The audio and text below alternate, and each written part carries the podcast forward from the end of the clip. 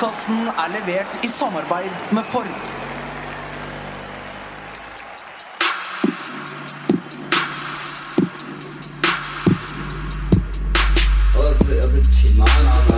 Nei, karer, hysj. Det er faktisk sånn at det kanskje er noen som har lastet ned der. Nei, nå må vi bli ferdig. La meg bare få spilt inn her, da. Velkommen til fotballuka!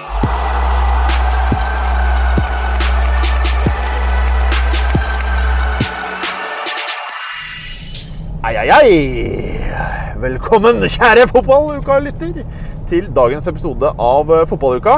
Og vi Vi sitter jo selvfølgelig da ikke i studio, Morten. Nei, vi sitter i en Ford. Ja, Det er ikke spesielt mindre blanke skaller her, men vi sitter da i eh, en av bilene til annonsøren vår, Ford, Mats Berger. Ja, det Ja. gjør vi. Det er um, kjempedeilig. Sitter høyt og fint og passer egentlig Og den er veldig romslig. Det passer egentlig fint å spille inn uh, i den. Ja, det er, og det er, det er sjelden man ser en 205-høy eh, mann, Morten Galaasen, sitte komfortabelt i en kjerre. Ja, Og det er uten å kjøre um, setet så langt bak at det blir problematisk for meg. Jeg har faktisk ikke justert i det hele tatt. Nei. Dette er standardinnstillinga. Jeg sitter som plomma i egget. Ja. Og dette her er jo da eh, Ford Edge. Dette er eh, jeg, vet- jeg vet ikke helt eh, Det blir jo spennende å høre hva eh, Preben kommer til å si når vi plukker opp han litt senere. Men eh, det, jeg føler at det, det er på en måte en familiebil. Den er sporty, digg og nesten litt sånn suvete. Ja, Og særlig den her, for den her, vi har jo til og med fete kromfelger. Ja, vi har kro Ja, ja. Det var det første Bergeren sa. Ja. Det er krom. Kromen. We be kromen. Ja, men jeg tipper Berger, nei, Preben, som har så mye familie rundt omkring, tennene hans kommer til å løpe i vann når han ser denne her. Ja, jeg tror også det. Men jeg tenker også roadtrip-messig for en guttegjeng. For Det, det eksempel er akkurat fire det. Det er menn som skal det er en bil som du podcast. kan si at funker til veldig mye der. Ja, funker til mye. Mm. Og eh, for dere lyttere eh, som nå sikkert har fått med dere at Preben ikke sitter i bilen, det er fordi at eh, vi skal plukke han opp på Smestad i Oslo. eh, Kjøre han hjem før vi skal kjøre Morten Galaasen til live-quiz på pokalen med Hvem er det du skammer deg, Morten? Freddy Dos Santos. Dos Santosen. Eh, og i forbindelse med at vi nå samarbeider med Ford, så har vi jo da litt nye spalter i eh, fotballuka. Eh, vi skal bl.a. ha noe som heter eh, Ukas Fiesta. Det kommer litt senere, hvor vi skal hylle oh, deilige spillere, deilige lag, flotte fotballtrenere og de vant, Morten. Mm. Men vi skal starte med da spalten vi har kalt for Ukas fokus.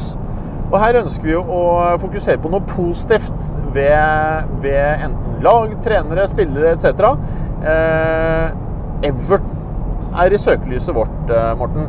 Eh, og litt av grunnen til det er for at eh, de har jo fått seg en ny trener. De starter i hvert fall denne perioden med en aldri så liten W. Ja, en aldri så liten en. De, de har jo vært i fokus av helt feil årsaker hele høsten, inntil nå. Ja. Eh, og så kommer da Big Sam inn, og første som skjer, er at de gønner inn en 4-0-seier, hvor Wayne Rooney skårer hat trick. Det er helt nydelig. Uh, og det er jo nesten som man må klype seg i armen, og jeg gjorde både det og, og kasta kaldt vann i fjeset og prøvde å refreshe, talt gjorde du det. refreshe Kasta skjermen. du kaldt vann i fjeset? Uh, ja, Ja. Mm. det gjorde jeg. Eh, for jeg trodde ikke det jeg så. Og eh, selv da jeg slo skjermen av og på igjen, Ja. så sto det fortsatt at Wayne Rooney hadde skåra hat trick, at Everton vant eh, 4-0. Så er det jo selvfølgelig altfor enkelt å tilskrive det til eh, Big Sam alene. Det er nok minst like mye David Moyes-effekten på motsatt halvdel. ja. Eh, men eh, hvis man eh, forholder seg da til eh, Everton her, da, og det er jo litt av delen med eh, fokusspalten vår eh, Det Everton nå fremover må eh, bruke tid på, det er mange av de nye spillerne sine. Eh, skape trygghet i, eh, i stallen og ikke minst, mener jeg, da, prøve å, å bygge laget rundt eh, den spilleren vi vet er world class Sigurdsson. Ja, eh, det er klart. De nye ble jo henta inn eh, Det ble jo henta inn en hel eh, gjeng av dem for å demme opp for tapet av én spiller i praksis. Lukaku. Og, ja, og eh, feilen som Everton kanskje har gjort, da, var jo at eh, de hadde en av de beste spissene i ligaen. for å erstatte han, så henta de ingen spisser. Ja. Ingen rene spisser av den typen som han var, i hvert fall. I stedet henta de bl.a. Gylvi Sigurdsson, som er en strålende signering for ethvert lag. Jeg var nesten overraska over at eh, ikke et større lag enn Everton henta han etter den sesongen han hadde i fjor. fjor. Men for at han skal fungere, så må han jo ha noen å sikte på. Det er en fordel, eh, Berger. Ja, det er akkurat det. Og de mangler jo en target, eh, en target man der. Um, Men, Wayne eh, Rooney hadde riktignok en fantastisk kamp i går og med, med hat trick. Kanskje karrierens siste. Men, eh, men de må få tak i en target man. Det er, det er, Du skal aldri si aldri, Bergeren. For at, uh, jeg føler litt sånn Jeg hadde ikke blitt overraska om uh, Rooney får en ny uh, vår, og, og at han faktisk klarer å spille en 20-30 kamper i, i eh, per sesong som, hvor han faktisk leverer. Det kan jo hende at eh, Big Sam er han som kan få den siste juicen ut av, eh, av Wayne Rooney. Ja, Man må skvise det ut, ja. Ja, men jeg husker jo Bolton-laget til, uh, til Allardyce. De hadde jo en, altså kanskje verdens minst målfarlige spiss gjennom tidene, Kevin Davies.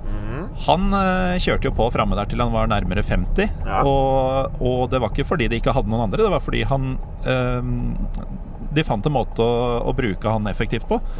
Eh, selv om det ikke ble all verdens skåringer, så gjorde han en uh, vesentlig jobb for laget og var en veldig veldig viktig bidragsyter i et Bolten-lag som i mange mange år overpresterte. Nei, Jeg savner Bolten, jeg. Ja, jeg savner også Ja, Bolten. altså, da, da digget jeg Allardyce han liksom fortalte sånn, henta liksom Fernando Hierro på Bossmann, JJ Okocha Ja, ja, Okocha, ja. Jorka F. ja! Jorka Jorka F. F. Det var mye kule spillere Ja, der. mye kule kule altså, det var det. Det var sånn at De hadde raska ø, sammen spillere som, no, som topp, en del toppklubber trodde var avdanka. Ja. Så fikk han til å funke knallbra et par sesonger til. Men, men JJ, det var jo en av verdens feteste spillere. Ja, ja, ja. Og han har jo en fortid i mitt kjære Fenerbahçe også. Ja, Det var Fener- der han var best, kan man si. Finner Barst. Hvis du vil. Fenerbahçe! Det høres mer og mer ut som borst, denne østeuropeiske eh, rødbetesuppa, er det vel? Fenerbahçe Er og den Peter med, er det den du hadde med i uh, Å nei, nei, nei. Det var en juice. Som het Sjalgam. Oh, Den trenger du ikke å ta med neste gang du skal ut på tur. Eh, Jeg var i Istanbul og drakk masse sjalgam nylig. Ja. Men hvis vi nå skal konkludere med fokusspalten vår Hvis det er én ting du mener eh, Everton må ha ekstra fokus på i tiden fremover, hva er det? Morten? Skaffe en targetman som de kan hente i januar. Og Ja, de, må, de må finstudere markedet, finne akkurat uh, den spilleren til riktig penge eh, som er tilgjengelig. Ja. Eh, men eh, det de har å jobbe med nå, er jo å finne ut hva er rollene til eh, spesielt de nye, som de tross alt har brukt en del penger på. F.eks. hvem skal Davy Clasen Det er være? nice motorlyd på den bilen. her, Altså. ja, fantastisk. Serr. Ja, veldig fin. Hvem skal Davy Clasen være i dette Everton-laget? Han skal jo ikke være den offensive midtbanespilleren, for det er jo Gylvi. Ehm, han, ehm, han har ikke funnet sin rolle ennå. Hva skal Sandro gjøre? Ehm, det virker som om dette er ting som de ikke tenkte på i, eh, som, i stor nok grad, i hvert fall i sommer. da Eh, og da passer det jo godt å få inn en såpass uh, Man kan si mye om Big Sam, men fokusert, det er han. Ja, pluss at det, det er rutine. Ja. Og da, da er det på en måte Det er grenser for hvor dårlig det kan gå. Det kan være at det ikke blir uh, festfotball for Everton-publikummet, men at det blir fokus, og at han vet hva som skal til. For at det, det, det er jo det de trenger. Ja, og uh, nå har det jo faktisk vært sånn at Everton har vært nærmere nedrykksstreken enn uh, topp seks-striden, hvor man øh, hadde håpa at de skulle være. Eh, men når det kommer til stykket nå, eh, de kommer jo ikke til å være i nærheten av det sjiktet når, når det spiser seg til. Eh, Everton har allerede sju lag bak seg som har vesentlig dårligere forutsetninger enn dem. Og de har også opptil flere lag foran seg innenfor eh, Hva skal vi si en armlengde, armlengdes avstand, eh, som de nok kommer til å passere. Så hvis Everton gjør ting noenlunde riktig, så blir det en plass på øvre halvdel, og ikke den katastrofesesongen som det kunne se ut som. Konklusjon hold fokus. Ja. Bra. Da går vi over til Premier League-delen, eh, Morten Gallesen. Ok. Eh, Premier League eh, Preview, review, alt mulig. Watford, Manchester United, eh, Morten. Eh, det her var jo en, litt av et oppgjør, vil nå jeg si. Jeg sliter fortsatt med å forstå helt hva som skjedde. Ja. Eh, United tapte jo her i fjor høst. Det var da de ble kaputt. Eh, og var sjanseløse. Arsenal har tapt her i eh, høst, og i det hele tatt så har Watford sett eh, bra ut både på Vicarage Road og ellers. Ja. Eh, når da United kommer eh, bort Et United som sleit seg til en 1-0 eh, hjemme mot Brighton i sånn klassisk de siste par sesongene-maner, bortsett fra at det gikk bra denne gangen. Eh, kommer og bare spruter inn mål den første halvtimen og leder 3-0. Og to av disse skåringene med Ashley Young. Ja. Eh, det, er, det, jo, det, det var jo en absurd fotballkveld i det hele tatt, med dobbel Young-skåring To flotte Young-skåringer også. Det frisparket var jo top notch, selv om eh, Mourinho ikke så ut til å like det i det hele tatt. På mange måter eh, blant de beste United-spillerne, Ashley Young. Ja, det verste Det er er, at det er litt sant. Ja. Eh, Men samtidig som, eh, som Everton eh, gønner på Rooney skårer hat trick, så skjer jo da dette. Og det ser jo avgjort ut til eh, pause, naturligvis. Eh, Med en Young som spiller som om han var 19 år på hjemmebane igjen, som han jo var en gang i tiden. eh, Da han ble flaska opp i Watford. Men eh, Martial gjør eh, 3-0 etter en drøy halvtime, og så går de til pause med det. Som man må forvente, så går United vesentlig lavere ut i andre omgang og skal bare sikre, og det biter dem nesten i skinkene. Da Troy Deany først reduserer um, et snaut kvarter før slutt på en straffe, og Ducoré uh, Stjerneskuddet Abdullahi Doucouré, må det vel være lov å si. Ja. En meget god høst. eh, reduserer ytterligere en gang like etterpå. Det er da 2-3 med seks minutter igjen å spille. Da tror jeg mange United-fans, inkludert eh, meg selv, tenkte at eh, dette blir et forsmedelig poengtap. Og jeg så også i eh, etter eh, Eller i pausen, var det vel? At eh, noen tweeta til Gary Neville at ja, det ender vel 3-3, dette. For det meldte jo han da Ja. Liverpool leda 3-0 mot Sevilla. Og han svarte No, no, we can defend. Ah. Så det hadde nesten vært litt gøy. Ja, det hadde blitt litt gøy. Men så er det jo da dette sinnssyke raidet til uh, Jesse Lingard som, som redder kvelden. Men uh, går det an å si at man er litt imponert over offensivet til Watford om dagen, eller? Ja, det må man jo i høyeste grad ha lov til å si. Og dette, altså merkelig nok, eh, kunne sett eh, enda bedre ut for eh, Watford offensivt om det ikke var for, av alle, Viktor Lindeløv. Ja. Som de siste ukene har sett stadig bedre ut og spilte vel sin klart beste kamp i United-drakta her. Um, og det var jo da den store snakkisen i tillegg til Youngs målteft. Men det er jo uansett frustrerende for United. da De har vunnet tre på rad nå og ikke tatt noe som helst inn på City. Er det varmt fra bak der, Bergeren? Hører Ja. Berger, Berger, for dere lyttere som da selvfølgelig ikke er i bilen med oss Berger sitter jo da bak Morten Gallosen på eh, 3,5 meter, så du ser vel ikke så veldig mye av veien selv i denne svære bilen, eh, Berger. Eh, Jeg ser absolutt ingenting, nei. Jeg ser noe på, si jeg ser noe på siden. Og jeg kan se i speilet mitt at du fortsatt hører på podkast mens vi spiller inn en podkast på øret. Nei. Du har noen propper i øret, i hvert fall. Nei. Jo, jeg ser jo det. det er speil her, Berger. Det er, jeg, ser, jeg ser jo at du hører på et eller annet, Berger. Jeg har ikke noe å Ja, gjøre. nå fjerna du det. Nei, jeg har- Jeg så det i sted. Nei, nei. Nei, ok. Jeg har Eh, jeg har på meg lue, det er riktig, men jeg har ja, ikke noe å gjøre. det er riktig. Eh, GM. Ja? Eh, Arsenal. Det er jo et eh, oppgjør man eh, ja. Ja. United-Arsenal. ja. Ja, det er jo klassikeren, eller var eh, klassikeren. Jeg føler at, eh, som vi vel har snakka om i to sesonger nå, at eh, det er et oppgjør som selvfølgelig er stort, men som har mista mye av det som gjorde det helt, helt spesielt. Men hvorfor det? Er det pga. Ferguson er borte? Er det fordi at Arsenal kanskje ikke er det laget det en gang var? Hva, hva mener du er grunnen til det? Det er de to tingene spiller inn, og så har du det at fotballen har jo forandra seg siden den gang. Du har ikke de derre krigertypene som tilhører Altså som er et varemerke for klubben, som det Kino og Vieira var, f.eks. Eh, to, eh, to kamphaner som ikke kan fordra hverandre, og som virkelig vil blø for drakta til laget de spiller for, og ikke bare er her for et par sesonger før ferden går videre til neste jevnstore eller litt større klubb. Ehm, Så sånn sett så er jo United Arsenal i dag kontra tidligere et eh, ganske solid symbol på fotballens utvikling som helhet. Ja. Når det er sagt, så er det jo eh, to lag i ganske god form, og som eh, det ikke skiller all verden mellom på, på tabellen. Jeg tror at det er to lag med selvtillit, og at jeg er naiv nok til at jeg velger å håpe at Mourinho har lært litt av de tidligere kampene mot topplag denne sesongen. At eh, han kanskje kan ha litt å tjene på å være litt mer offensiv ah, ja? enn en ellers. Men eh, det er jo det er litt å tro på julenissen. Men jeg, jeg må jo ha trua. ja. Hvordan ender dette, da? Jeg tror Jeg tror United vinner 2-1. Hva tror du om det, Berger? Altså, jeg jeg syns Arsenal har begynt å imponere nå utover høsten. Ja, og jeg, jeg ser ikke bort fra at faktisk eh, Arsenal eh, vinner. Ja. Ja. Og jeg eh, har tenkt at jeg skulle snakke mer om også.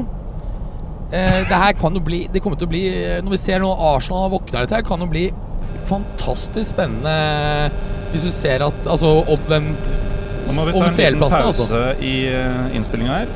ja. Hva? Da er vi i gang igjen. ja. Oi. Ja.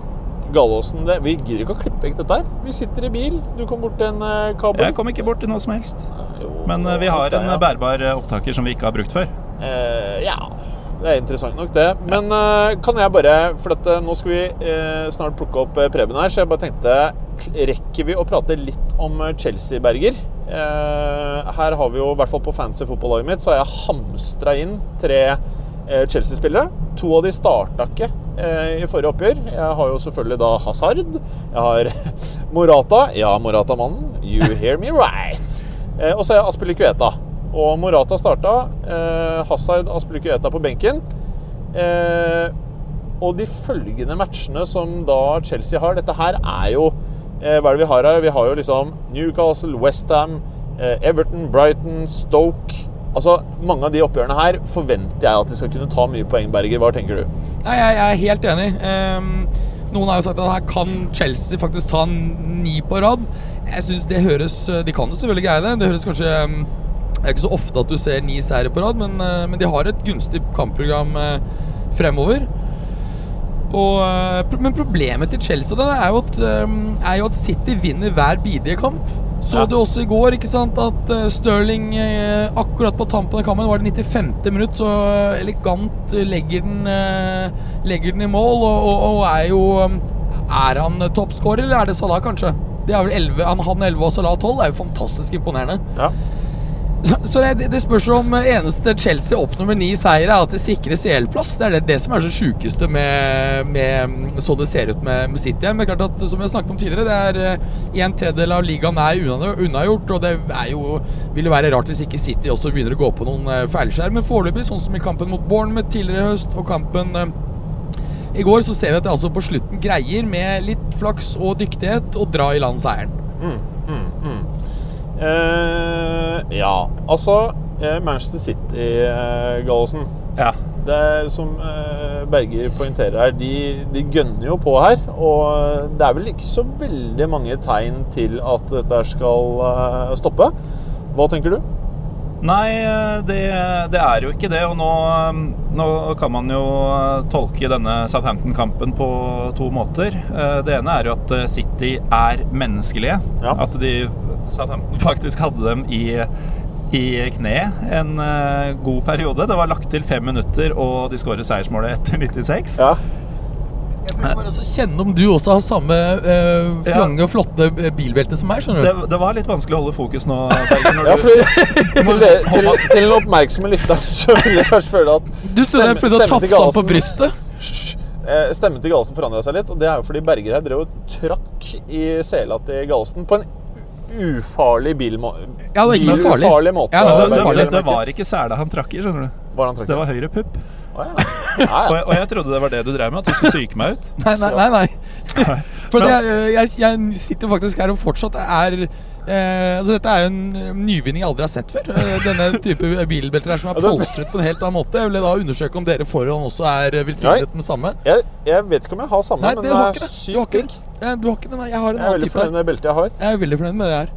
Men sånn fra, fra bil til uh, fotballgallosen Jo, eh, nei, altså det er, er det, er det, det, er, det er det jeg liksom biter meg litt merke her. At uh, eh, du har et uh, City-lag hvor det er nye folk som hele tiden viser seg frem. da. Og- Ja, og det at det var lagt til fem minutter, de maler på og avgjør etter 96.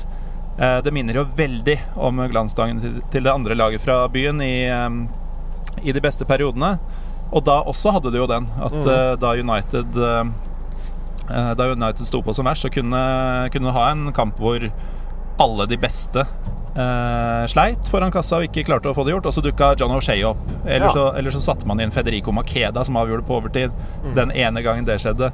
At uh, det var en, en flyt som gjorde at uh, selv når de go to-gutta ikke har dagen, Ja. så er det en, en åttende mann som, som kan ta, ta den støyten. Og det er jo um, Det er jo det som kjennetegner et mesterlag. At du, du tar det på dårlige dager, og du, um, du klarer deg også uten at de aller beste leverer. Så, Og- så jeg frykter, eh, frykter sitt her. Altså. Det, er, eh, det var en gyllen mulighet for de andre lagene til å, til å ta litt innpå, og den eh, ble da ikke noe av. Nei. Uh, ok, skal vi se. Nå er vi faktisk på Benshaug. Der står uh, Preben. Han eh, er på vei ut der, ja. Ja. Han sitter skikkelig og hører på forrige episode av Fotballkassa. Antagelig. Skal vi, skal vi trykke på pause mens han setter seg inn? eller? Trykk på pause. Ja.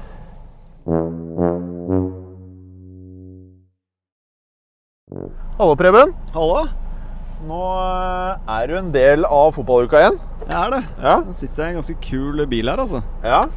Dette her er en Ford Edge. Det er en Ford Edge, ja. Eh, altså, det som er fantastisk med den, er jo at eh, man sitter så sykt digg i disse setene, blant annet. da.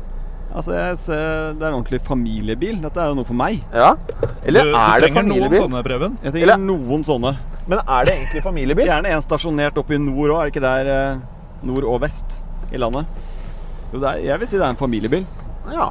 Jeg hadde i hvert fall tenkt at eh, det her var, hadde vært noe jeg kunne Jeg har ikke så veldig mye familie Eller så mye familie som deg, Preben, men jeg kunne lett hatt den allikevel. Ja. Jeg digger den. Ja. Men uh, nå, skal vi, nå skal vi kjøre deg hjem før vi skal kjøre uh, Galåsen. På quiz. Uh, Ja, før vi skal kjøre Galåsen på uh, fotballquiz. Skal vi se, når det er en som har parkert jævlig keitete her. Eller så er det vi som kjører feil vei her. Ja, Han klarte ikke å kjøre litt til høyre, altså. Sånn. Ja, på veien. Take it off. Gjør det. Hva skal vi snakke om? Tottenham. Tottenham, ja. Ja. Gikk på en smell mot uh, Leicester i uh, Er det krise? tirsdag. Er det krise, Preben? Nei, jeg vil ikke si det er krise enda. Jeg mener at en god sesong for Tottenham i år, det er å klare topp fire og gå videre fra gruppespillet i Champions League, som de allerede har gjort. Da har de en helt godkjent sesong, med tanke på at de har spillet på Wembley. Eh, Fortsatt en stall som er eh, hva skal jeg si, under oppbygging, under utvikling. Hvis man ser på lønnsbudsjettet til Tottenham, så presterer de jo faktisk over det nivået de egentlig burde vært på. Så det er jo i- sånn sett en overpresterende klubb i forhold til penger brukt. Så, men jeg syns jeg ser en del tegn nå da, på at Pochettino har um, har kjørt en førsteelver, i hvert fall sentrallinja, ganske rått og brutalt hele sesongen. Um, Christian Eriksen ser helt død ut om dagen, og Pochettino sa på pressekonferansen i dag også at han er mentalt utslitt. Eh, Dele Alli har spilt veldig mye.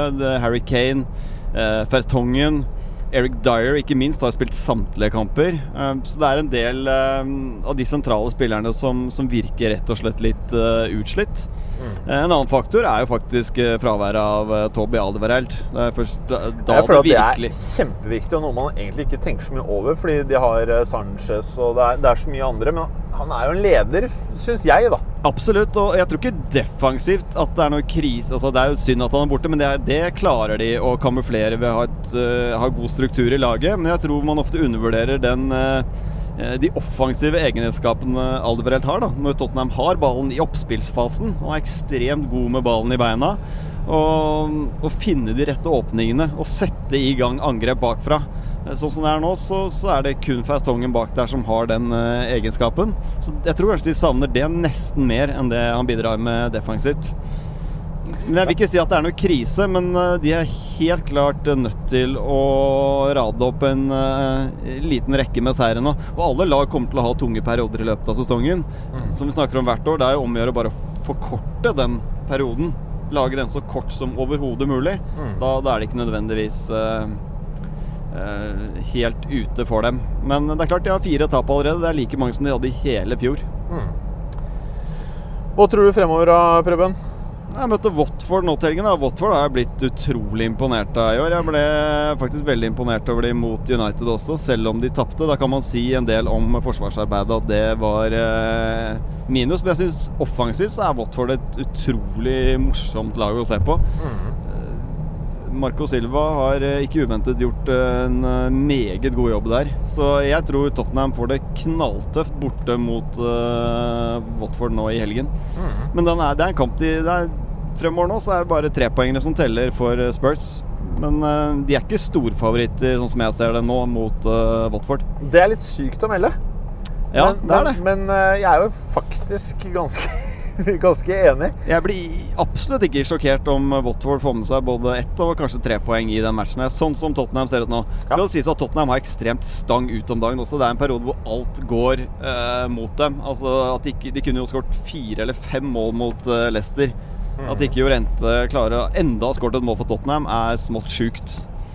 Syns du det er bra sjåfør, Preben? Veldig. om vi drakter på, av good looks, da. Ja, Åpenbart bare til gutter, for dette har vi jo sjekket Ja, det- ja, opp. Jenter ja. syns jo ikke han er kjekk. Nei, det er bare jeg gutter som syns han er kjekk. Vi snakker jo ofte om hvor kjekk vi syns han er. Hvem, er det vi prater om? For, uh, Fernando. Llorente. Det er vel bare han vi snakker om når det er snakk om eh, kjekke menn? Er det Ja, du skjønner, Jeg har gjort en sånn kort undersøkelse på dette her blant kvinner. Ja. Uh, viser frem bildet av han, og de sier ja, helt grei. Helt grei. Men så Viser viser til gutter som bare Shit, så sånn skal jeg gjerne sett ut! Han ser bra ut. ja, ja, det er helt Så fantastisk. er veldig snodig utseende, åpenbart. Jeg var megapopulær i uh, Juve. Solgte jo vilt med drakter.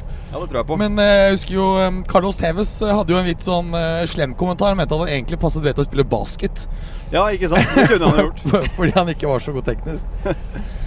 Ja, ja. Men jeg tror, eh, det, tror Tottenham, når vi teller opp i april-mai, så har de gjort en helt uh, grei sesong. Jeg føler, meg, jeg føler fortsatt at de er eh, Altså, hva skal jeg si, om man kan kalle det en favoritt til å i hvert fall komme topp fire, da. Så tror Ja. jeg eh, Altså, det begynner, Jeg- jeg er det begynner mer og mer å se ut som en sånn sesong hvor du har City, og hvem er det som kommer på andre?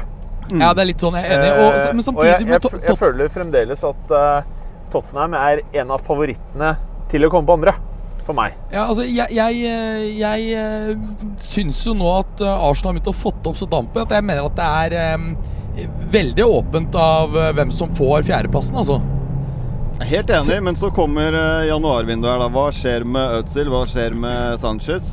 Eh, Jeg tror ikke de stikker nå i januar. Det ville overraske meg. Men Ja. det er klart de kan skrive kontrakter med andre klubber og få huet et helt annet sted. Men det er klart at, det er klart at um, hvis Hvis Arsenal greier å uh, komme inn i topp fire, og konsekvensen er at de beholder dem og de kontrakten går ut, så tror jeg nesten det er bedre enn å selge dem i, uh, i januar. Det er helt enig. Uh, og spesielt også med tanke på Spurs, så tror jeg det er veldig viktig å fortsatt få Champions League-plass. Rett og slett fordi det eh, sementerer fortsatt progresjon i klubben. Hvis ikke så er det snakk om et setback. ja, helt riktig. Og det vil være viktig for, eh, for fortsatt rekruttering i sommer. Selv om man kan kanskje argumentere for at Arsenal er enda mer avhengig av å komme inn i topp fire igjen for å rekruttere. Tottenham har vært flinke til å hente liksom, talenter som også ville være villige til å gå dit, selv om ikke de spiller fast i, i Champions League. Men samtidig så er jo Tottenham situasjonen hvor det er begrenset hvor lenge de kan uh, holde på halv lønn på spillerne. eh, altså, og samtidig beholde disse gutta, da. Ja. Uh, hvis, hvis de ikke er med å kjempe om pokaler, hvis de ikke kommer i Champions League, så, så vil gutta forsvinne. Ja, men det er klart at nå, um, nå som de får ny stadion, så er det nettopp eh, litt av caset at de eh, vil få vippa opp lønningene. Helt klart. Så jeg tror at det lønnsgapet som du ser, og som selvfølgelig er problematisk over tid, når du skal holde spillere, det vil eh, være mindre problematisk bare om få, veldig få sesonger. Kanskje allerede bare om et drøyt års tid. Berger. Eh, Liverpool de har jo det jeg mener er ligaens beste spiller så langt i år. Mo Salah.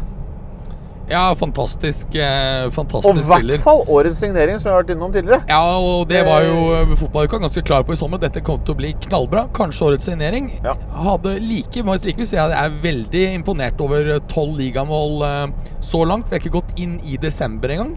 Nei. Julegranen er ikke tent, og han er tolv ligamål. Det er fantastisk. Ja, fantastisk. Og, og, så- en, og en sånn spiller man egentlig ønsker vel, da. Ja, veldig. han er en uh, type man, uh, man Det er jo morsomt å uh, se på han. Ja, Der og- kjørte jeg feil, jeg, Preben. Og Det går helt jeg, fint, eh, Bare kjør rett frem, du. jeg, Ja, og jeg jeg?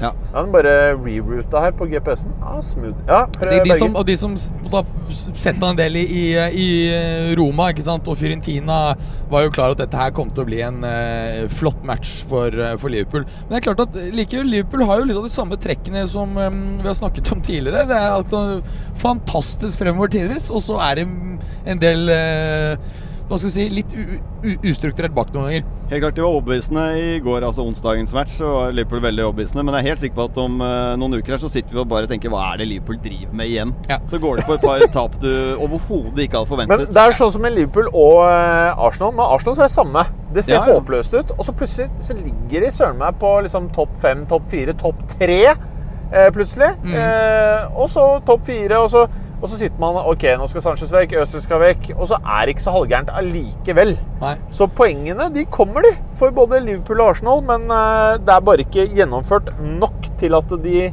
kan være i nærheten av å kjempe om gullet. Nei, og jeg, for å være helt ærlig så tror jeg Hvis jeg skal legge huet litt, huet litt på blokka eh, Ja. Og det er på tross at jeg, eh, jeg har sansen for Liverpool. Jeg tror ikke de får Champions League. Nei. Og jeg tror Og dette er kanskje Det er en brannfakkel.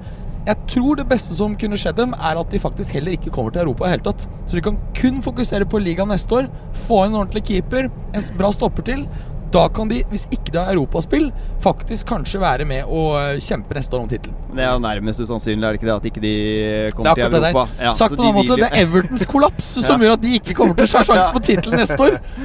Det er Ja, snakk om uh, Sikkert Burnley da skal fortsette hva de driver med nå.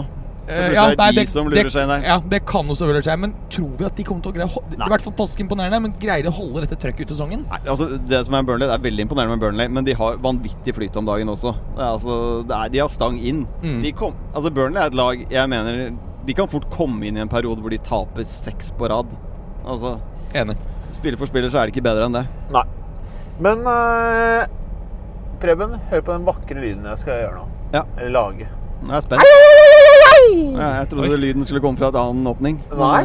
eh, og det er ja. Faen, ass. Ja, kunne jeg ikke si det. Eh, ok, Preben. Da skal vi over til uh, ukens fiesta, som vi var innom i uh, introen vår. Så er det jo sånn at eh, med Ford da, så har vi jo valgt da, en fokusspalte, en fiestaspalte. Og fiestaspalten skal jo selvfølgelig i all hovedsak eh, dreie seg om noe vi ønsker å hylle. En liten fest i fotballriket. Eh, og Morten Galaasen. Ja, det er ikke den tolvte me- mest underholdende ligaen nå, er det det? Nei, kanskje topp ti. Fordi det har skjedd noe helt spesielt. Og hva er det? Det var jo revirderby på, på Westfallen stadion i Dortmund mellom hjemmelaget og Schalke. Mm. Eh, faktisk eh, det største derbyet i tysk fotball. Mm. Og man gleder seg jo bare pga. rammen rundt, og ofte så blir man litt skuffa over eh, selve fotballen. Det skulle man ikke bli denne helgen. Eh, Dortmund har det jo vært eh, vanskelig for eh, i store deler av høsten. Og det så jo ut som om de vonde tidene var bak dem de første 25 minuttene, da de feide over erkerivalen fra nabolandsbyen og leda 4-0 etter 25 minutter. De hadde fått i gang Aubameyang, de hadde fått i gang Götze, eh, og de hadde fått to skåringer til. Og gikk da til pause med, med 4-0. Alt det vonde var glemt. Og, og det du beskriver her, høres på mange måter ut som god gamle BVB. Dette var gode, gamle BVB på, eh, på noen stimulerende midler som, eh, som ikke er lov i fotball. Fordi eh, det var, eh, det var glansdagene i, tolvte potens. Så er det litt komisk da at uh, trener Peter Boss uh, da han kom i sommer, ble den dyreste holdt på å si, kjøpte treneren i tysk fotballhistorie. Det kosta dem fem millioner euro å hente den fra Ajax. Ja. Og eh, han viser jo atter en gang at han ikke er verdt de pengene. For eh, 4-0 etter 25 minutter, 4-0 til pause. Blir etter en time spilt til 4-1. Fire minutter etter det blir det til 4-2. Fire minutter før slutt blir det 4-3.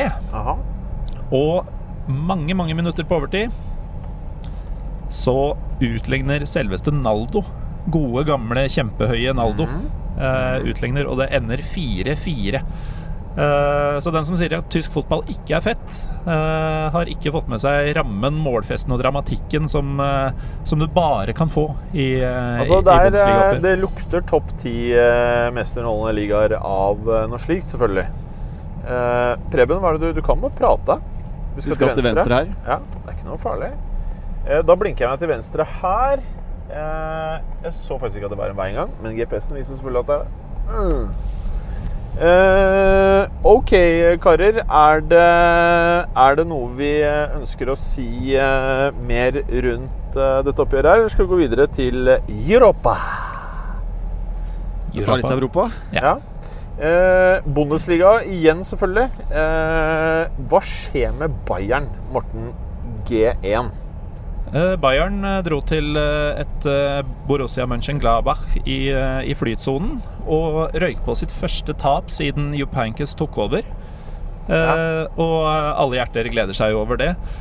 Eh, Det var en, spesielt en strålende førsteomgang av hjemmelaget, der de går til pause med 2-0 etter at den mindre kjente broren til Eden Hazard, Torgan, Ja, Torgan, satte en straffe. Og Mathias Ginter, som kom fra en defensiv spiller som kom fra et Dortmund som sliter defensivt, han eh, la på til 2-0 eh, rett før pause.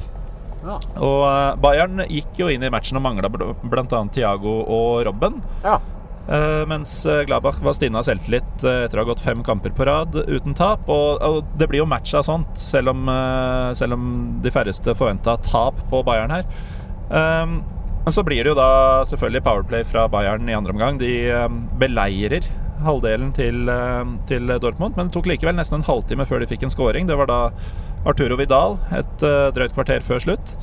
Og man tenker på at nå kommer stormløpet, men faktisk så var eh, de største sjansene det siste kvarteret gikk til Selvfølgelig på kontring til Borussia Mönchengladbach. Blant annet skulle Josip Dermic definitivt gjort 3-1, men han skøyt utenfor. Så eh, ja, det Og, over til noe som nesten kunne vært på Fiesta-delen, eh, Gallosen. Laget ditt, Leipzig! Selveste Leipzig. Åh! Det, det bare det, Altså, de haler jo innpå dette Bayern-laget. De gjør det. De eh, beseirer Verde Bremen 2-0 på hjemmebane, og det skiller nå bare tre poeng mellom eh, Leipzig og Bayern. Mm. Så det er jo Det ser jo ut til at Bundesliga kan ta vinterferie igjen med en viss, viss spenning i gullkampen. Eh, Man kunne jo håpa på en jevnere match her etter at eh, Bremen eh, imponerende slo, fire, slo Hanover 4-0 i derbyet sist, men det fikk vi ikke. Leipzig gikk ut i fullt firsprang og hadde tidlig en ball i nettet som ble annullert for offside, men det var full dominans fra, fra Leipzig i første omgang. Og da Nabi Keita utnyttet en, en feil hos gjestene etter eh, 34 minutter, så så de seg ikke tilbake, selv om Verde Bremen kom bedre med i andre omgang og tvang fram et par gode redninger fra Peter Gulacci. Eh, Men eh, da innbytter Bernardo hamra inn en flott halvvolley til eh, 2-0, så var det game set and match. Og Leipzig har jo hatt en stigende kurve eh, hele høsten, Ja. og, og ser faktisk ut til å, til å ta ytterligere steg fra, fra det imponerende verket de, eh, de gjorde i fjor. Bra. Preben, Ja. uh, i eh, La Liga eh, Valencia-Barcelona. Ja, dette var et ganske uventet uh, toppoppgjør. Men jeg tror ikke det er så veldig mange som har sett for seg det oppgjøret at det liksom skal være nummer én og to på tabellen uh, når vi kom til uh, sent eh, november. Eh, første omgang så var det klasseforskjell på lagene. Eh, virket som Valencia hadde ekstrem respekt for eh, Barcelona. Og Barcelona vant en ball. altså Valencia fikk ikke låne ballen omtrent. Med en gang de fikk den, så vant Barca den tilbake. Satte en nye angrep. Så det var egentlig bare et tidsspørsmål før skåringen skulle komme. Og den kom jo i og for seg fra Leo Messi. Ballen var eh, Det var et skudd fra mm, 20 meter, vel, som eh, Neto på en eller annen merkelig måte klarer å Altså, det er midt i mål, men eh, snubler den inn mellom egne ben, og den er godt over streken. Dommeren får ikke dette her med seg, men eh, virker som samtlige spillere gjorde det, i hvert fall. Eh, men uansett, dommeren dømte ikke mål, og da blusser selvfølgelig den diskusjonen opp igjen i Spania om mållinjeteknologi eh, og videodømming. Men eh, annenomgangen så, så var jo Valencia mye mer med. Virket som de har lagt inn litt respekt i eh, garderoben. Og annenomgangen var mye mer jevnspilt. Eh, Valencia tok ledelsen 1-0, men det var ikke ufortjent da Alba utlignet til 1-1 helt på tampen der. Hvordan, hvordan eh, var fotballukas favorittspiller eh, Simone Satsa? Simone Sasa var helt konge. Altså Jeg har hørt uttrykket bli nevnt. Altså boks-til-boks-spiss er noen som har kalt uh, Seriøst? performancen. Ja, men Simon Sasa jobbet knallhardt. Han tok uh, 50-metersløp tilbake, sklitaklet godt inne på egen banehalvdel og stoppet kontringer. Fantastisk arbeidsinnsats. Ja, det er, det eh, og det er jo det du får med Statsa. Ja, det det. Enorm arbeidskapasitet. Savner han, eller, eh, Berger? Ja, jeg gjør det. Eh, Jeg skulle faktisk gjerne hatt han eh, fortsatt i, eh, i Juve, altså. Det er en spillertype som uh, nesten ethvert lag kan trenge å ha i troppen. Ja, altså, det er noe også, med innstillingen Ja, som smitter over. Den kombinasjonen av denne forferdelige straffeprestasjonen i, em, i EM for halvannet år siden, kombinert med at han nå greide å gjøre et, et comeback, har gjort at på en måte, han har blitt en kultspiller i Europa. Absolutt. Vel, I forhold til på en måte hvor I hvert fall i fotballuka. Ja, men altså I forhold til hvor god han er, så er han jo ganske kjent. Og mange digger han også fordi at han eh, ikke er så eh, dårlig som eh, en del fikk inntrykk av etter den straffeprestasjonen. Ja, altså, tidligere så har han jo ikke skåret nok mål. Det har på en måte vært ankepunktet mot Simone Satsa. Nå skårer han mål også. Så nå leverer han jo, ikke minst eh, Rodrigo også, da. Som eh, leverer skåringer omtrent i hver eneste kamp. Så de har et eh, bra spisspar gående der. Og vi har snakket mye om Valencia og hvor, eh, hvor mye egentlig Marcelino har klart å få ut av det laget her. Lukter det Altså, mener du at det er en reell mulighet for at uh, Valencia faktisk kan ende over Real Madrid på tabellen? Nei, jeg tror ikke det. Uh, det er en lang sesong, og Valencias problem er Ja. jo at de har uh, De har en førsteelver som er bra. Så er det en OK nummer 12-13, kanskje 14. Eh, Men får de for mye skader, suspensjoner, så er det et korthus som fort detter litt sammen, tror jeg. Eh, Over en lang sesong så, så, så kan det bli tøft for dem.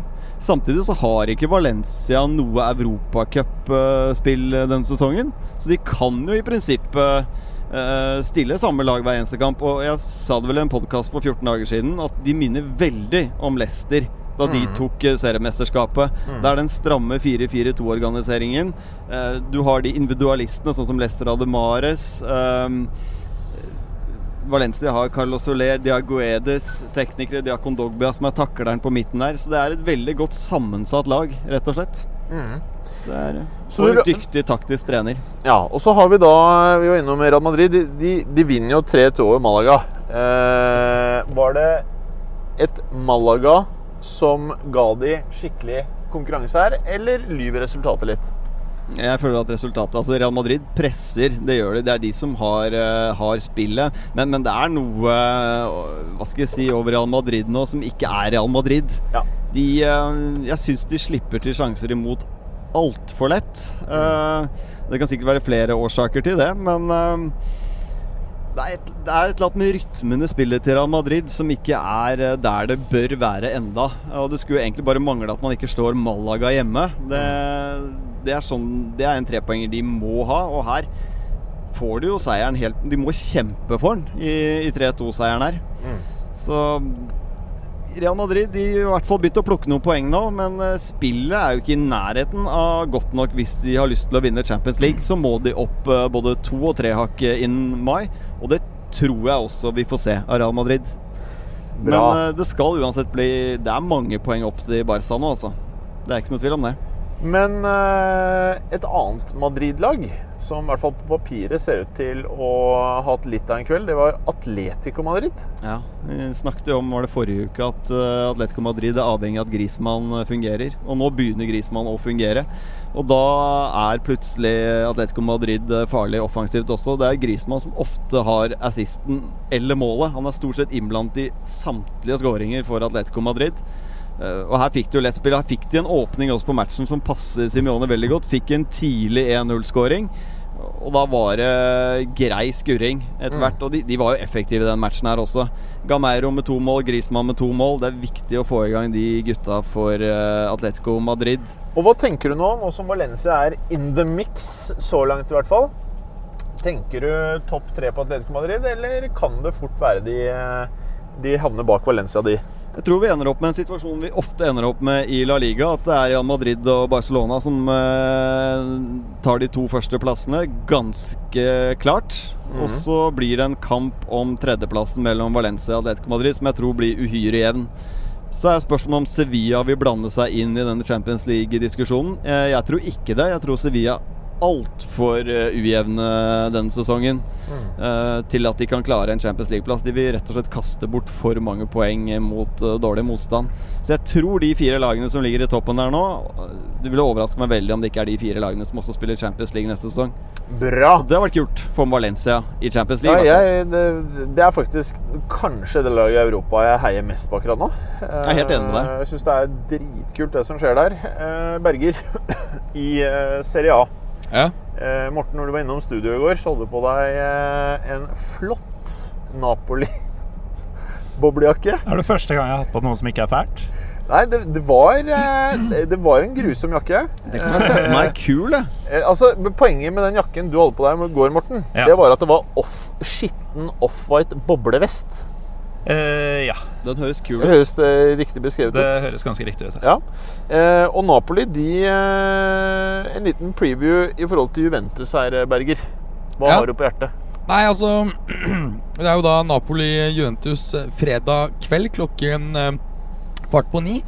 En liten, liten digresjon, Uh, en liten sånn uh, trivia der. Det har vært um, stor kampanje blant Napoli-fansen for å få selskapet som uh, produserer uh, Gomorra-serien. Fordi den sendes nemlig nøyaktig på det tidspunktet. Ja. Så det har vært en stor kampanje for at så fansen ikke skal måtte velge, slik at det nå faktisk slippes klokken åtte om morgenen. Så alle skal få med seg begge deler. Ganske lættis. Eh, men men eh, jeg, jeg Det er en klassisk fotballtrivia. Ja, det er litt morsomt. Det liker vi. det liker vi. Um, og for de som er serieinteresserte, kan jeg faktisk også anbefale serien. Ja, Den er fantastisk. Ja, den er veldig bra. Jeg Men begynte på på ny sesong nå. jeg, har ikke, jeg, jeg, jeg Ja. så i dag at den er kommet nå. jeg så skal ikke ødelegge noe. Nei, ikke- øh, ikke si noe, vær så snill. Men, uh, Gled deg. Ja, ja. ja. eh, okay. ja. Da var jeg Men- nesten på å spoile hele greia. Ja, ja, ja. Men um, Nei, altså denne kampen tror jeg faktisk eh, Så tidlig i sesongen vil jeg normalt si at ikke kampen trenger å være avgjørende, men det kan det bli her. Napoli leder med fire poeng på, eh, på Juve. Mm. Er, San Paolo er en heksegryte. og Juve har ikke vært noen veldig imponerende siste tiden. Slo riktignok Crotone 3-0 i forrige kamp, men jeg tror eh, Napoli vinner. Ja. Og jeg tror Napoli faktisk vinner i morgen, så tror jeg at de også tar, også tar tittelen. Boblevestmannen, hva tenker du? Jeg, jeg føler at dette er sånn kamp hvor, hvor Juventus bare blir Juventus. Jeg. Og, og effektivt stagger eh, Napoli-angrepet. Kommer unna med en 1-0-seier eller 2-1-seier hvor, eh, hvor Napoli ser eh, Ser ut som en grå utgave av seg selv, og Juventus egentlig ikke ser noe særlig bedre ut, men, men at de grinder det ut. Ja, jeg håper du har rett. Eh, Milan her, eh, Berger. Ja, det må Er det crisis, eller? Altså det er klart at Nå har de sparket uh, Montella, satt inn uh, Gattuso. Han har ikke akkurat noen uh, mega-track record som trener. så Først så var han med FC Sion, som spiller trener i Sveits, og så endte han i Pisa andredivisjon. Det interessante var at han da rykket ned. Men på tross av at de rykket ned, så hadde de sluppet inn færrest mål i ligaen. Ja, det er, Altså Det, er, det er en helt sånn merkelig Det eh, er et spennende lag å se på, med andre ord. ja, ikke sant? Så, Eh, så Det kan jo ikke være noe langvarig løsning, eh, Jeg- jeg- Gattuso. Jeg tror heller ikke det. Det er jo Conte som angivelig er øverst på ønskelisten til eh, Milan, men det er jo ikke noe aktuelt før til sommeren. Jeg hadde likt å se Angelotte tilbake, jeg skal være helt ærlig. Ja, jeg, jeg- tror det jeg- kunne jeg vært en fin greie, så lenge det ikke konker helt. Bare et lite øyeblikk. Når er det du skal ha livequiz i dag, Morten, på pokalen? Om en halvtime, så vi Om må begynne å kjøre snart. Ja da. ja da. Eh, altså Jeg syns også det var et litt rart tidspunkt å sparke Montella. De har på papiret i hvert fall en, del rek en rekke kamper foran nå som ser ganske lette ut. Og um, han har jo faktisk ikke brukt samme førsteelver eh, to ganger på rad hele sesongen. Eh, og det er klart at disse kampene kunne da ha mm, gitt eh, han en mulighet til å få satt laget litt mer. Kommet inn med ordentlig seiersteam. Så jeg syns timingen for det er eh, litt rar. Og jeg må innrømme at jeg har begrenset tro på Gattuso ut ifra de prestasjonene som lagene har trent Men ser du, tidligere. han eh, har tatt en liten higuin der, eller? Begynner å bli litt rund, ja. Eh, Gattuso? Ja. ja, han gjør det. Men jeg syns han har en bra look med mage, faktisk. Ja, Eh, Han, han ser jo litt kul ut. ja han gjør det. Jeg syns han ser fet ut. Kunne spilt i går, da, det, men jeg sånn. tror ikke dette er noe godt valg av uh, Milan. Men det er klart Milan nå, de har gått fire hjemmekamper tror jeg det er, uten scoring. Eh, altså Fire kamper uten å score på San Siro. Ja. Og det er uh, ganske alarmerende. Så skal si at De har et lett kampprogram fremover. Kanskje han burde fått sjansen. Det er, I hvert fall når Gattusso er alternativet, så tenker jeg kanskje de kunne fortsatt med Montella. Ja, I hvert fall når Men- problemet har vært score, eh, scoring nå. Ja. Og Gattusos scoring track record er jo ikke spesielt bra. Nei.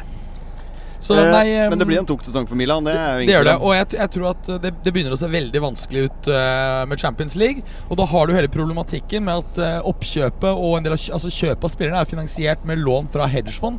Og jeg mener de jeg, begynner å bli en dyr investering for dem, dette her. Ja, vi snakker jo også om rente her på en eh, 12-13-14 Ja. Ikke sant? Og, og det begynner å svi når du har brukt liksom halvannen milliard kroner. Da. Mm. Så, mm, så det, det kan være veldig problematisk. Og spørsmålet er hva skjer med klubben um, eh, hvis ikke de får Champions League? Blir da eierne rett og slett tvunget til å selge igjen? Ikke sant? Det er jo veldig problematisk eh, utgangspunktet der. Ja, Nå skal vi snart eh, lempe av eh, barnefaren. Skal til noen av barna. Hvor mange av barna dine er det som Det bor er her? bare to her. La du også merke til at beltet er eh, mye tykkere og behageligere enn du har hatt på deg tidligere? Så må jeg bare løse Og mer solid i festet. Ja, eh, Mats Icardi, er han helt der oppe med verdens aller beste spisser? Ja. Uten tvil. Eh, Du var så Ja, kontant. jeg, jeg mener det altså øh, Han er jo en i, i, Som person så kan man snakke om han frem og tilbake, men som fotballspiller, som spiss, fantastisk. Han har det dødelige instinktet som Filippo Insagi hadde, kombinert med at han er mye raskere og mer atletisk og teknisk mye bedre, for Insagi var begrenset teknisk. Ja. Ikke sant? Så, så dette her er øh, nærmer seg topp tre. ja, veldig bra. Mm. Så nå snakker jeg som ikke topp tre i verden som spiller, men topp tre som ren nummer ni. Ja. Eh, Takker jeg for meg, jeg. ja. Veldig bra, Preben. God God middag tur videre. Hils eh, noen av barna, så prates vi. Ha det. Eh, vi kan jo bare fortsette videre, eller? Ja, vi kan jo Ja. det. Da har vi plotta inn Vulkan på navigasjonen her, så da tror jeg at jeg skal bare rygge litt her. Eh, det som like gjerne kunne vært eh, ukens fiesta, Morten, det er jo faktisk eh, det som foregår i Frankrike når eh, NIS møter eh, Lyon. Ja, det kan du trygt si, i hvert fall for, eh, for Lyons del. De, eh, dette var jo to, eh, to topp fire-lag forrige sesong, og de har jo vidt forskjellige sesonger så langt. Niss ligger og kaver under streken, og Lyon har overraska både meg og andre som følger Ligue meget positivt, med sprudlende angrepsfotball, spesielt de siste ukene. og da disse lagene møttes i Niss sist helg, så ble det altså 5-0 til Lyon på bortebane. Ja. Uh, og det var, det var en overkjøring eh, som ligna på det Dortmund gjorde de første 25 minuttene mot uh, Schalke. Det sto 0-4 etter 38 minutter her. To av skåringene signerte Depay. Mm -hmm.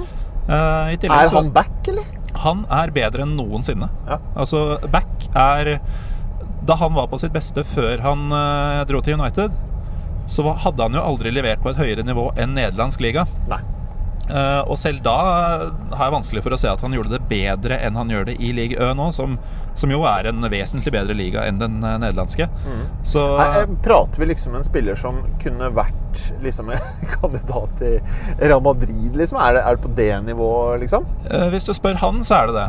Ja. Men Det det, er klart Det er noe annet å mm, Altså det er noe annet å levere for et lag i voldsom flytsone, som spiller en fotball som passer han perfekt, og hvor han eh, Han er vel i praksis den eh, store stjerna sammen med Nabil Fikir. Um, selv om han eh, får, eller inntil denne høsten, ikke hadde bevist det på banen.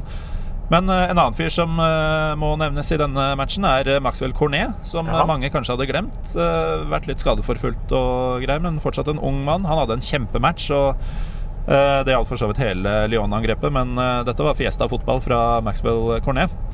Glimrende målgivende til det første målet til Depay, og skårer selv eh, 2-0-målet på et nydelig raid. Vet du hva, jeg, liker den spalten Fiesta såpass godt. at Nesten kan være en eh, fast spalte i fotballuka selv etter, eh, etter 2018. Ja, det får vi jo nesten håpe på. Ja. Eh, en annen som hadde en fiesta av en kamp, var Mariano Diaz. Ja. Som, eh, som du vel kjenner godt eh, til fra fra å se på stallen til Real Madrid. Han fikk vel ikke mange sjansene der, men han er virkelig klinisk, altså. Eh, så han fullbyrder da Jeg syns det er så deilig å se spillere som eh, hadde bare sittet og wasta tiden sin i noen klubber, komme til sin rett. Det, det er litt av det som er problemet i moderne fotball. At eh, noen av klubbene sitter med så mye talenter og så mye toppspillere at man vet egentlig ikke hvor gode noen av disse her er. Nei, jeg er enig. Det er, så spesielt Real Madrid eh, hadde jo litt den situasjonen i, i fjor og året før. Samtidig så har de skåret såpass kraftig ned at det kanskje ble litt vel kraftig de- slanking, da. Morata-mannen er vel enig i at uh, det ble én uh, spiller for mye solgt, som er bra for laget hans, Chelsea. Eh, ja, Morten.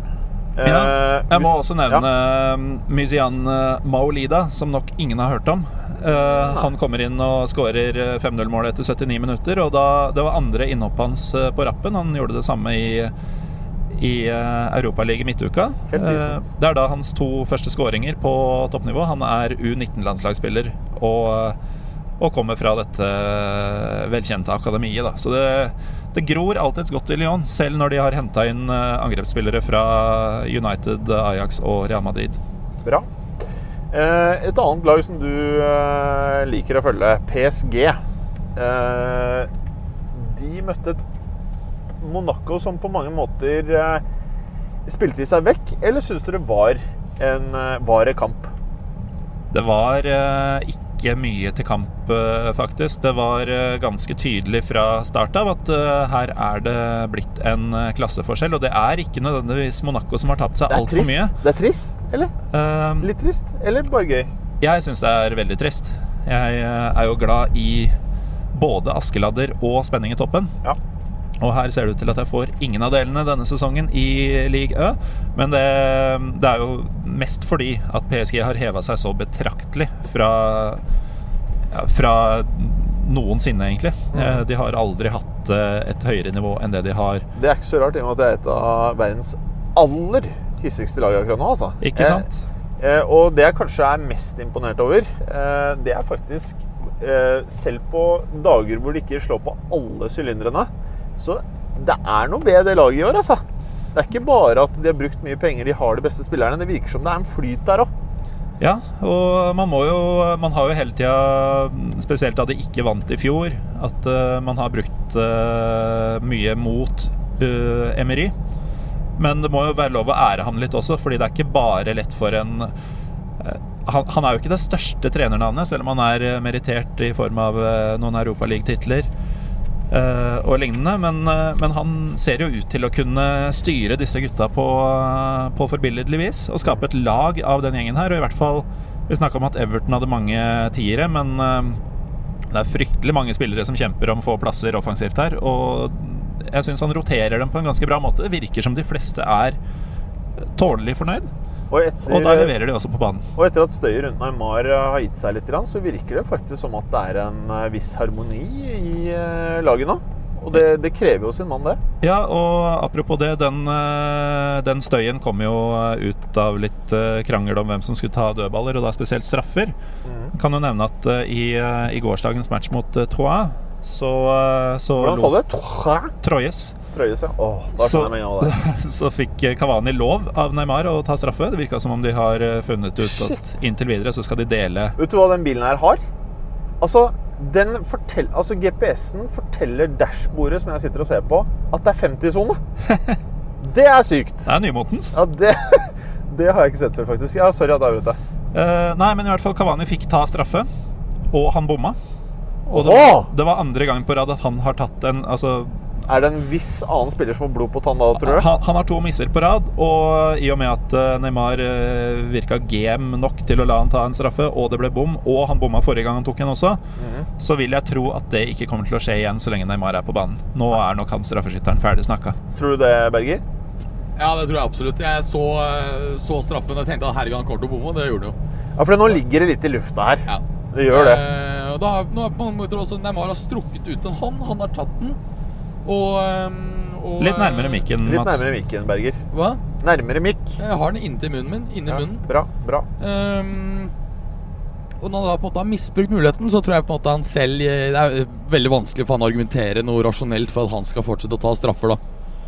Nå vant jo eh, Den straffemissen var jo helt på tampen av første omgang i, um, i går. Og eh, så greide jo Neymar og, eh, og nevnte Kavani å skåre ett hver på slutten av, eh, av kampen, og, og, og vinner jo da 2-0, da. Ja. Og Monaco-kampen vant de da 2-1 etter at Cavani og Neymar eh, putta. Da, da fikk de også straffe, og Neymar tok den. Um, En eh, straffesituasjon hvor det kom veldig tydelig fram at Neymar er rutinert i de situasjonene, og Almami Touré er generelt fortsatt ganske urutinert. Han eh, oppførte seg klønete. Straffen kunne ses på som billig, men i og med at Neymar skjønner at her kan jeg gå ned uten at noen vil ta meg på det, så er det riktig å, å dømme straffe. Og det ble spikeren i kista her, selv om Moutinho ut, eh, reduserer eh, ni minutter før slutt via Kylian Mbappé. Uh. Men si meg, føler du at eh, league Ø basically er eh, don? Ja, og det har jeg følt eh, lenge. Ja. Det var bare prikken over i-en. Det er fortsatt eh, ok å følge med, eller er du bare litt sånn at eh, nå vier du tiden din til eh, tiende mest underholdende ligaen i verden? Det er fortsatt mange ting å kjempe om i Frankrike. Gullet er ikke en av dem. Men bare det å se Lyon fleske på, det, det er verdt abonnementet i seg selv. Nydelig. Eh, ok, karer. Vi ønsker å minne publikum på at eh, ettersom vi da faktisk eh, gjør dette sammen med Ford, så ønsker vi også å høre litt hva dere synes om eh, samarbeidet vårt. da. Og eh, Det betyr at vi både på Twitteren vår og på eh, Facebook, eh, Facebooken til Fotballuka kommer til å legge ut eh, link til et eh, spørreskjema hvor dere kan fortelle litt og komme med noe feedback på hva dere syns om eh, innholdet vi har gjort sammen med Ford. Og så ønsker vi å takke, takke Ford for at vi får lov til å låne denne deilige bilen. Og med det, takk for i dag, eh, Berger. Takk skal du ha. Ja, takk for i dag. Ja, Ja, ja, takk for i dag. Eh, før vi er helt ferdige, vi skal jo til, på Vulkan nå. Ja. Gleder du deg til quiz? Ja, Nå gleder jeg meg skikkelig. Ja, du gjør det? Ja. Ja, Og du skal ha med deg Freddy Dos Santos. Å, Dos Santosen! Dos Santosen. Ja, er eh, Da blir det mest Vålerenga, da, eller? Det blir, jo, eh, det blir jo noen spørsmål om han, og da blir det jo samtidig noen spørsmål om Vålerenga. Ja. Og så blir det jo vanskelig for meg å ikke komme med noen stikk da, til både han og Vålerenga. Fordi du er jo selvfølgelig da Vålerenga-supporter, så du Hadde jeg vært Vålerenga-supporter, så hadde jeg ikke noen cupfinale å se fram til på søndag. Si. Nei, Men det har jeg. true that. Mm. Eh, ok, med det adios. Adios! Ha det. Takk for at du gadd å høre på. Vi er Fotballuka på Twitter, Facebook og Instagram. Følg oss gjerne. Men bare få høre. Den tror jeg blir litt fet.